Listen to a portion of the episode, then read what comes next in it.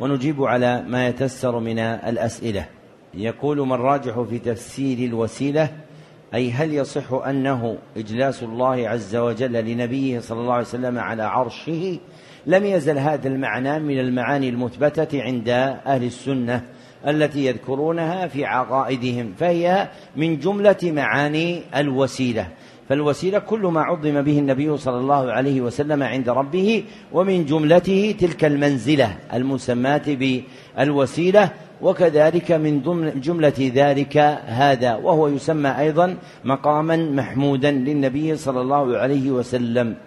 يقول رجل أراد الحج وقدم مكة وقد حج عن نفسه ثم طلب رجل أن يحج له عن قريب ميت له فإن قبل أن يحج عن ذاك الميت هل له أجر الحج أم لا؟ إن كان شرع في الحج بإحرامه ناويا عن نفسه صار الحج له. وإن كان بعد لم يحرم بالحج ولا دخل فيه فإنه حينئذ له أن يجعله عن غيره. وإذا جعله عن غيره فأجر الحج لذلك الرجل الذي حج عنه. لكن هو يصيب شهود جماعة المسلمين في هذه المشاعر والمواقيت والأماكن التي رتبت شرعا في أيام الحج وزمانه. يقول ما حكم الصلاة على النبي صلى الله عليه وسلم دون ذكر له؟ له أن يذكره. فهذا من الذكر المحبوب المأمور به. فالنبي صلى الله عليه وسلم قال من صلى علي صلاة واحدة صلى الله بها عليه عشرا. رواه مسلم من حديث أبي هريرة. فلك أن تصلي عليه صلى الله عليه وسلم ولو لم تسمع ذاكرا يذكره بأن تجلس فتقول صلى الله وسلم على محمد صلى الله وسلم على محمد إلى غير ذلك. وأكملها الصيغ الواردة في الشرع. يقول حديث نصرت بالرعب عند الشيخين. فلما ذكرته الإمام أحمد يعني في في كتاب النورين. هو في الشيخ عند الشيخين البخاري ومسلم من حديث جابر لا بهذا اللفظ التام الذي ذكرناه في كتاب النورين. فذاك حديث وهذا حديث. حديث الصحيحين هو عندهما من حديث يزيد الفقير عن جابر بن عبد الله رضي الله عنه. وأما الحديث ذكرناه عند أحمد هذا من حديث ابن عمر. يقول بوركتم آه، ذكرتم أن منزلة الوسيلة هي لعبد واحد من عباد الله. يرجى أن يكون النبي صلى الله عليه وسلم كيف بمن طلب رفقة النبي صلى الله عليه وسلم في الجنة وأجابه فيها؟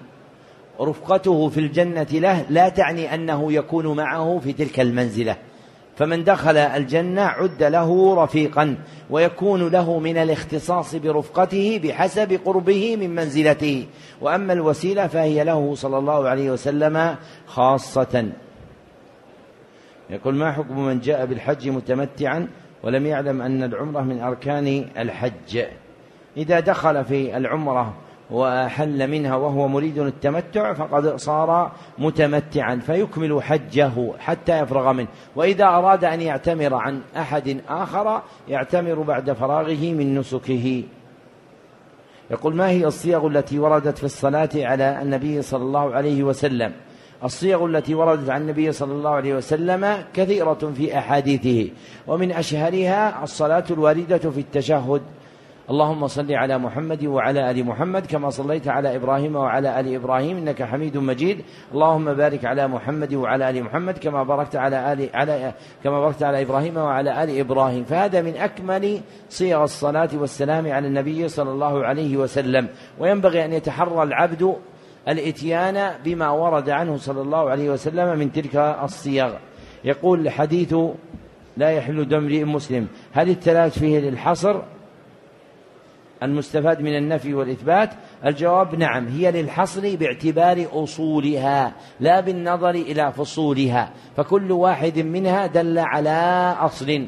فالحديث المذكور كما حرره ابن رجب. في جامع والعلوم والحكم يدل على أن ما يستباح به الدم ثلاثة أصول. أحدها استباحة الدم الحرام وثانيها استباحة الفرج الحرام وثالثها مفارقة الدين والخروج من جماعة المسلمين. فحينئذ يكون الحصر باعتبار الأصول فيرد إليها غيرها. يقول هل يمتنع الذي يريد الحج من الأخذ من ظفره بمجرد إهلال ذي الحج إهلال ذي الحجة كالذي يريد أن يضحي أم أنه يجوز له الأخذ ما لم يعقد نية الإحرام؟ الجواب من أراد الحج فتلبس بالنسك أمسك عن بشرته وأظفاره وشعره فإن حل منه كمتمتع اعتمر جاز له أن يأخذ منها وإن كان في العشر وإن كان باقيا على إحرامه فلا يجوز الأخذ منها. فليس حكمه كحكم المضحي إن كان حلا أي إذا صار حلالا وهو المتمتع فهذا له أن يأخذ. وأما المضحي فلا يأخذ لحديث أم سلمة في صحيح مسلم. بعض الإخوان يكتب السؤال مرتين جزاه الله خير. يقول هذا حدث لي ظرف صحي مفاجئ. تسبب في غيبوبة أثرت في ذهني وجسدي. ودخلت المستشفى أربعة أيام وعندي الآن عدم آه، تركيز حتى الآن. الجواب أنك تستعين بالله سبحانه وتعالى وتكمل حجه. فالذي أقدرك على حضور المجلس وكتابة هذا السؤال يقدرك إن شاء الله تعالى على أداء النسك. فالعبد لا ينبغي له أن يتعاجز.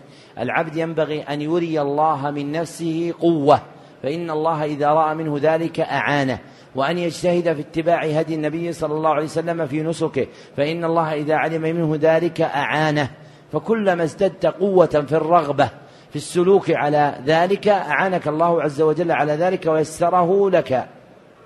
يقول هذا السائل طفت بالكعبة ثم أحسست بالتعب. في واحد يطوف ما يتعب؟ ثم قال فذهب ذهبت إلى الفندق ونمت. وفي الليلة التي بعدها يعني مش في الصباح في الليلة التي بعدها سعيت بين الصفا والمروة ثم حلقت رأسي. هل علي شيء علما بأني نمت في ثياب في ثياب الإحرام؟ يعني طاف وراح نام وجلس يأكل ويشرب طول اليوم وفي الليل ذهب يسعى. هذا مو بحج هذا هذا عبث. هذا يجب عليه أن يخرج إلى الحل ويحرم بيحرم بعمرة ويأتي بها مرة أخرى. إنسان يحذر من اللعب بالعبادة ويجتهد فيها. والناس كانوا في قبلنا كانوا في أوقات شديدة وأحوال صعبة. وليس لديهم من الرفاهية ما يحيط بالحرم اليوم في داخل البناء أو في الفنادق. ومع ذلك كانوا يجتهدون اجتهادا عظيما. واليوم أحدنا يتقلب في نعمة الله ثم يطوف شوطا ويجلس ليشرب كأسا من الشاي. هذا عدم تعظيم لله. معظم الله يأتي بالشرع كما أمر الله سبحانه وتعالى. بعض الإخوان يتعبون أنفسهم في أشياء ليست لهم. كما ذكرت أن الإنسان يسأل عما هو وظيفته وما علق بذمته. أما أن يسأل عن شيء لا تعلق له به فهذا لا ينفع. اشتغل بما يلزمك. وما عدا ذلك فهذا ليس من وظيفة العبودية لك. فالذي يلزمك اسأل عنه والذي لا يلزمك لا تدخل فيه ولا تسأل عنه. فإن هذا من من إضعاف العبودية كون الإنسان يقبل بقلبه على مسائل لا تعلق له بها. هذا يضر بعبوديتك لله. فإن من شغل نفسه بما لا بما لا يلزمه ضيع ما يلزمه. فضعف قلبه عن احتمال ما تتعلق به منفعته. يقول ما هو علاج الجار الذي يكون أمام بابك ويؤذيك وأهلك بالقول والفعل؟ يصبر عليه الإنسان ما استطاع إلى ذلك سبيلا. فإن عاقبة الصبر محمودة. والله سبحانه وتعالى قال يا أيها الذين آمنوا اصبروا وصابروا ورابطوا. أي اصبروا وجاهدوا أنفسكم على المصابرة. إذا وجدتم مراغمة ومنازعة في شيء من مصالحكم العاجلة أو الآجلة فيلزم العبد أن يصبر وأن يدعو لهذا الجار بالهداية وأن يحسن إليه حسب وسعه. فإنه إذا أحسن إليه وصبر عليه انقلبت العداوة محبة. كما تقدم أن عدو الظاهر يدفع بالإحسان إليه. يقول شخص أحرم بالعمرة متمتعا بها إلى الحج ثم انتهى منها وتحلل يعني فرغ إيش؟ من العمرة. ثم أحرم بالحج في عرفة. لسه ما جت عرفة. يقول ثم أحرم بالحج من عرفة؟ أين؟ يقول ثم أحرم بالحج من عرفة فما الحكم؟ هو أحرم الآن ولا ما أحرم؟ جاء يوم عرفة ولا ما جاء؟ إذا هذا السؤال كما يقول النحاة لا محل له من الإعراب. سأن يسأل عما هو واقع فيه. بعض الناس يجي يستبق يقول ما الحكم لو أن كذا وكذا وقع؟ ما الحكم؟ هو ينوي هذا. ينوي ألا يبيت في ليالي منى وينوي ألا يقف في عرفة في النهار وينوي كذا. ثم يريد أن يجهز الأجوبة التي تناسب حالها الإنسان يسأل عما كان يفعله النبي صلى الله عليه وسلم. هذا الذي تجتهد فيه. تنظر ما هو هدي النبي صلى الله عليه وسلم في نسكه. لا أنه لو فعلت كذا أو فعلت كذا. يقول لم أفهم الجواب في القول في حديث أن الحرف بمعنى الكلمة في حديث لا أقول ألف لام ميم حرف. الجواب أن كلمة الحرف عند العرب يراد بها الكلمة. فقوله تعالى إنا أعطيناك الكوثر هي ثلاثة أحرف يعني ثلاث كلمات. هذا هو المقصود بالحديث وليس الحرف الهجائي. مثل كلمة إنا أن فيها ألفا ونونا وألفا لا هي كلمة واحدة. هذا معنى الحديث عند أهل العلم. يقول هذا السائل هذا أقرأه بس عشان تعرفون الناس اللي يسألون عما يلزمهم. من أحب النساء إلى الرسول صلى الله عليه وسلم؟ هل خديجة أم عائشة؟ رضي الله عنهما. أحب خديجة وأحب عائشة كما أمرت شرعا ودع ما للرسول صلى الله عليه وسلم للرسول. يقول يوم التروية يصعد الحجاج إلى عرفة بدلا من منى. الأفضل اتباع الحملة من الذهاب إلى منى فردا دون الجماعة. الأفضل أن تتبع هدي النبي صلى الله عليه وسلم وكان النبي صلى الله عليه وسلم يكون بعد الزوال في منى يوم الثامن ويبيت تلك الليلة فيها ثم يخرج بعد ذلك بعد شروق الشمس إلى عرفة فينزل نمرة ثم بعد الصلاة يدخل عرفة يبقى فيها حتى غروب الشمس. فافعل مثل ما فعل النبي صلى الله عليه وسلم. يقول أحرم بعمرة التمتع وأتم العمرة بالمخيط بعد زوال المحظور. هل عليه شيء؟ إن كان نسي شيئا من لباسه عليه وهو معتمر فلا شيء عليه. وإن كان يعلم أن لبس المخيط محرم وبقي لابسا له فيجب عليه فدية الأذى المذكورة في قوله ففدية من صيام أو صدقة أو نسك فإما أن يصوم ثلاثة أيام وإما أن يطعم ستة مساكين كل مسكين نصف صاع وإما أن يذبح شأة يقول هذا السائل هل يجوز الطواف بالنعال؟ باعتبار الأصل نعم. يجوز الطواف بالنعال كما تجوز الصلاة بها لكن إن تخوف الإضرار بالناس ممن يصلي في هذا المكان فالأكمل له ألا يطوف بالنعال. يقول هل ورد قول لا إله إلا الله لا شريك له له الملك وله الحمد وهو على كل شيء قدير. بعد بعد العصر عشر مرات من غير أن تغير بعد الفجر عشر مرات من غير أن تغير جلسة الصلاة روي هذا في حديث لا يصح. المحفوظ أنها من أذكار الصباح والمساء لا من أذكار الصلاة. يقول هذا السائل هل صحيح ما نسمعه من أن نزول المطر سببه هو دورة الطبيعة في تبخر ماء البحر إلى السحاب بسبب الحرارة؟ هذا من الأسباب الظاهرة التي عرفت بما آتى الله الناس من العلم بأسباب قدره. لكنها تابعة لأمر الله. فالعلم بها لا يقدح في كون الله هو الذي ينزل المطر ويعقد الغمام ويسوق السحاب فيمطر بإذنه. فهذا أمر لا شيء فيه. هو من معرفتنا بأسباب قدر الله. كما علمنا ما يحدث به الخسوف والكسوف من حركة الشمس والقمر بسبب حيلولة أحدهما دون الآخر. فهذا شيء علمنا الله إياه. لكنه مندرج تحت قدرة الله سبحانه وتعالى.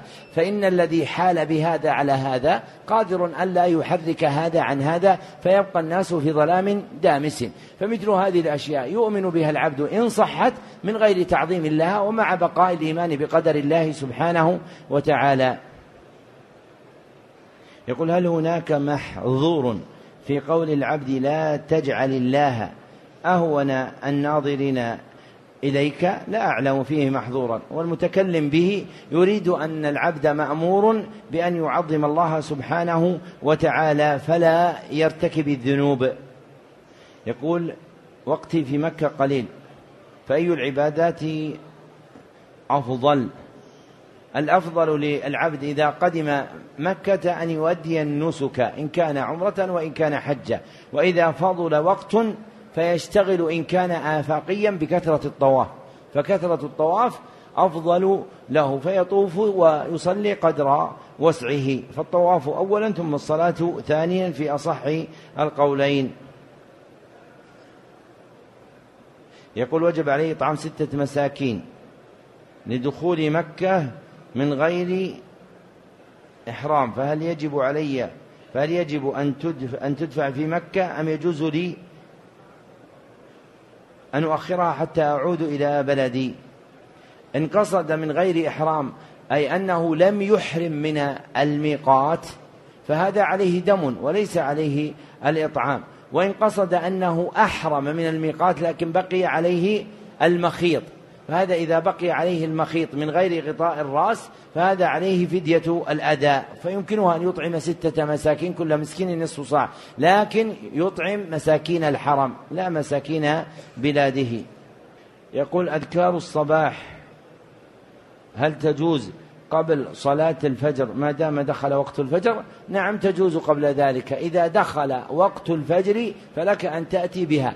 كمن جمع المغرب والعشاء تأخيرا بعد دخول وقت العشاء فإنه يأتي بأذكار العشاء قبل صلاة بأذكار المساء قبل صلاة المغرب فله أن يأتي بذلك ما دام وقتا لها. فالعبرة تعلقها بالوقت لا تعلقها بالصلاة. يقول أشكل عليه تخريج زيادة فحينا ربنا بالسلام يعني التي تقال عند رؤية البيت. فقد ذكرتم كتاب الأم قبل المسند مع أن المقدم المسند. فما توجيه؟ توجيه أن الشافعي شيخ أحمد والشيخ مقدم على تلميذه. يقول قلت حفظك الله أن النهار مقدم على الليل. فكيف تعد رؤية الهلال بداية للشهر وتعد الليلة سابقة للنهار؟ أنا لم أقل هذا. قاله الله. قال تعالى في سورة ياسين ولا الليل سابق النهار فالنهار جاء أولا في خلق الله ثم خلق الليل بعده فهو مقدم بهذا. وأما في كلام العرب فإنهم يعدون الليلة متقدمة على النهار في حساب الأيام عندهم. يقول هل يمكن أن يكون العمل مطابقا؟ يعني لهدي النبي صلى الله عليه وسلم. وفيه إخلاص وليس مبنيا على أساس العقيدة. أرجو مثال. قبل أن ترجو مثال افهم الكلام. لا ترجو مثال وإنما أطلب إزالة الإشكال. فهكذا ينبغي أن يكون السؤال. فإذا ظننت أنك أمسكت بكلام الشيخ محمد الأمين وأنه ذكر شيئا لا يلزم فقد أخطأت. فإن الشيخ محمد الأمين الشنقيطي لما ذكر أن العمل يلزم فيه ثلاثة شروط هي الإخلاص والاتباع للنبي صلى الله عليه وسلم وأن يكون صاحبه على عقيدة صحيحة. فإنه جمع بين شروط تتعلق بالعامل وشروط تتعلق بالعمل. فالشروط التي تتعلق بالعمل التي تعرفها أنت وتذكرها الإخلاص والمتابعة. لكن شروط العامل أشياء تختلف في كل عبادة. أعظمها الإسلام الذي هو حقيقة العقيدة الصحيحة. فهو جمع بين موارد مختلفة باعتبار ما يناسب عموم أفهام المسلمين. فهذا وجه كلامه رحمه الله. يقول دخلت مكة قبل رمضان. أتيت بعمرة وذهبت في شوال إلى المدينة وعند دخول مكة أتيت بعمرة جديدة والآن أريد للحج يعني جاء بعمرة في أشهر الحج. هل علينا هدي أم لا؟ نعم أنتم متمتعون ما داموا ما دمتم اعتبرتم في شهر الحج وهو شوال وأنتم تريدون الحج فإنكم صرتم متمتعين بجمعكم العمرة والحج. وهل علينا سعي بعد طواف الإفاضة؟ نعم عليكم سعي. فعلى المتمتع طوافان وسعيان في أصح قولي أهل العلم. ومعي أبناء. أعمارهم كذا وكذا. فعل عليهم هدي. إن كانوا متمتعين فعليهم هدي. لكن إن كانوا لا يقدرون عليه فإنهم يصومون. فمن لم يجد الهدي يصوم ثلاثة أيام في الحج وسبعة إذا رجع إلى أهله. يقول رجل مقيم في جدة وينوي الحج متمتعا فإذا أتى بعمرة في بداية عشر ذي الحجة ثم عاد إلى جدة يعتبر متمتعا أم لا بد من جلوسه بمكة؟ إذا رجع الرجل إلى بلده فإنه ينقطع تمتعه وقد نقل الباجي الإجماع على ذلك. وما يذكر فيه عن ابن عباس والحسن البصري رضي الله عنهما ورحمهما فهذا شيء كان ثم اندثر. وانعقد الإجماع على أن الناسك إذا عاد إلى بلده فإنه ينتقض تمتعه ويعود محرما بنسكه مبتدئا له. والأفضل أن يكون مفردا. فمثلا لو قدرنا أن أحدا يسكن الطائف أو يسكن جدة ثم جاء إلى مكة واعتمر ثم رجع إلى سكنه في الطائف أو جدة فإذا نزل للحج فيأتي يحرم من الميقات. ويأتي بنسكه إما متمتعا أيضا وإما مفردا والأفضل الإفراد. يقول صلاة النفل في المسجد الحرام أفضل أم في البيت؟ يعني في محل السكن الفندق. صلاة النفل في المسجد الحرام تقع في كل حدود الحرم فإذا كان الفندق الذي تسكن في حدود الحرم فهذا في المسجد الحرام والصلاة في البيت نافلة أفضل على كل حال من الصلاة في المسجد. يقول الفرق بين النعاس والنوم في انتقاض الوضوء. النعاس هو ما لا يزول معه الإدراك فلا ينتقض به الوضوء. وأما النوم المستغرق الذي يزول معه الإدراك فهذا فيه الوضوء. هذا أصح ما قيل فيه. يقول نظرا لازدحام المسجد الحرام كثيرا ما تقطع الصلاة فهل تعاد؟ لا لا تعاد ولو كانت في غير المسجد الحرام. والمقصود من عدم قطعها تعظيمها. فالإنسان يتحرى أن لا يقطع صلاة أحد وأن لا يقطع صلاته أحد. فإن شق هذا فلا بأس حينئذ. فإن الأمر إذا ضاق اتسع.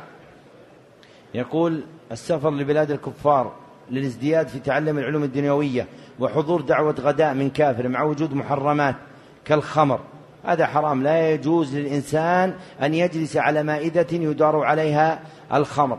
كما قال النبي صلى الله عليه وسلم من كان يؤمن بالله واليوم الآخر فلا يجلس على مائدة عليها الخمر. فيحرم على الإنسان أن يجلس عليها. يقول يشكل أو كيف يوجه حديث اقرأوا فكل حسن لما كان لمن لما كان يقرأ. لعلها العجم الله أعلم. لكن معنى حديث اقرأوا فكل حسن. يعني اقرأوا بالوجوه الواردة التي علمتموها. فكل حسن. يعني من العرب مثلا من يفتح ومن العرب من يقلل ومن العرب من يميل. فإذا قرأ بواحد منها فقال والضحى والضحى والضحى. كل ذلك حسن لأنه منقول عن النبي صلى الله عليه وسلم وهو من طرائق العرب في كلامهم فهذا مقصود الحديث. لا أن معنى الحديث اقرأوا كل حسن يقرأ السعودي بلغته ويقرأ المصري بلغته ويقرأ الشامي بلغته ويقولون نقرأ القرآن. لا القرآن ليس كتابا لأحد هذا كتاب الله. تقرأه كما تكلم به الله فقال ورتلناه ترتيلا وقال لرسوله صلى الله عليه وسلم ورتله ترتيلا وأقرأ النبي صلى الله عليه وسلم أصحابه. فتقرأه كما قرأوه وكما علمناه إلى يومنا هذا. هذا هو الواجب للعبد. وما جاء فيه من الرخصة المقصود التوسيع في وجوه القراءة الواردة عن النبي صلى الله عليه وسلم التي تعرف اليوم بالقراءات. فاليوم في بلاد المسلمين من يقرأ؟ برواية حفص عن عاصم وفيهم من يقرأ برواية ورش وفيهم من يقرأ برواية قالون وفيهم من يقرأ بقراءة برواية الدوري. وكل هذا وجه حسن منقول عن النبي صلى الله عليه وسلم. كما أننا في المناسك منا المتمتع ومنا المفرد ومنا القارن. فكذلك القراءة. هذا معنى الحديث. وليس معنى الحديث أن الإنسان يقرأ بما يشاء. ونقتصر بالإجابة على هذه الأسئلة ونستكمل بقيتها إن شاء الله تعالى في مقام آخر ولقاؤنا إن شاء الله تعالى بعد صلاة المغرب في قراءة كتاب منظومة في السير إلى الله والدار الآخرة. والله أعلم وصلى الله وسلم على نبينا محمد وآله وصحبه أجمعين.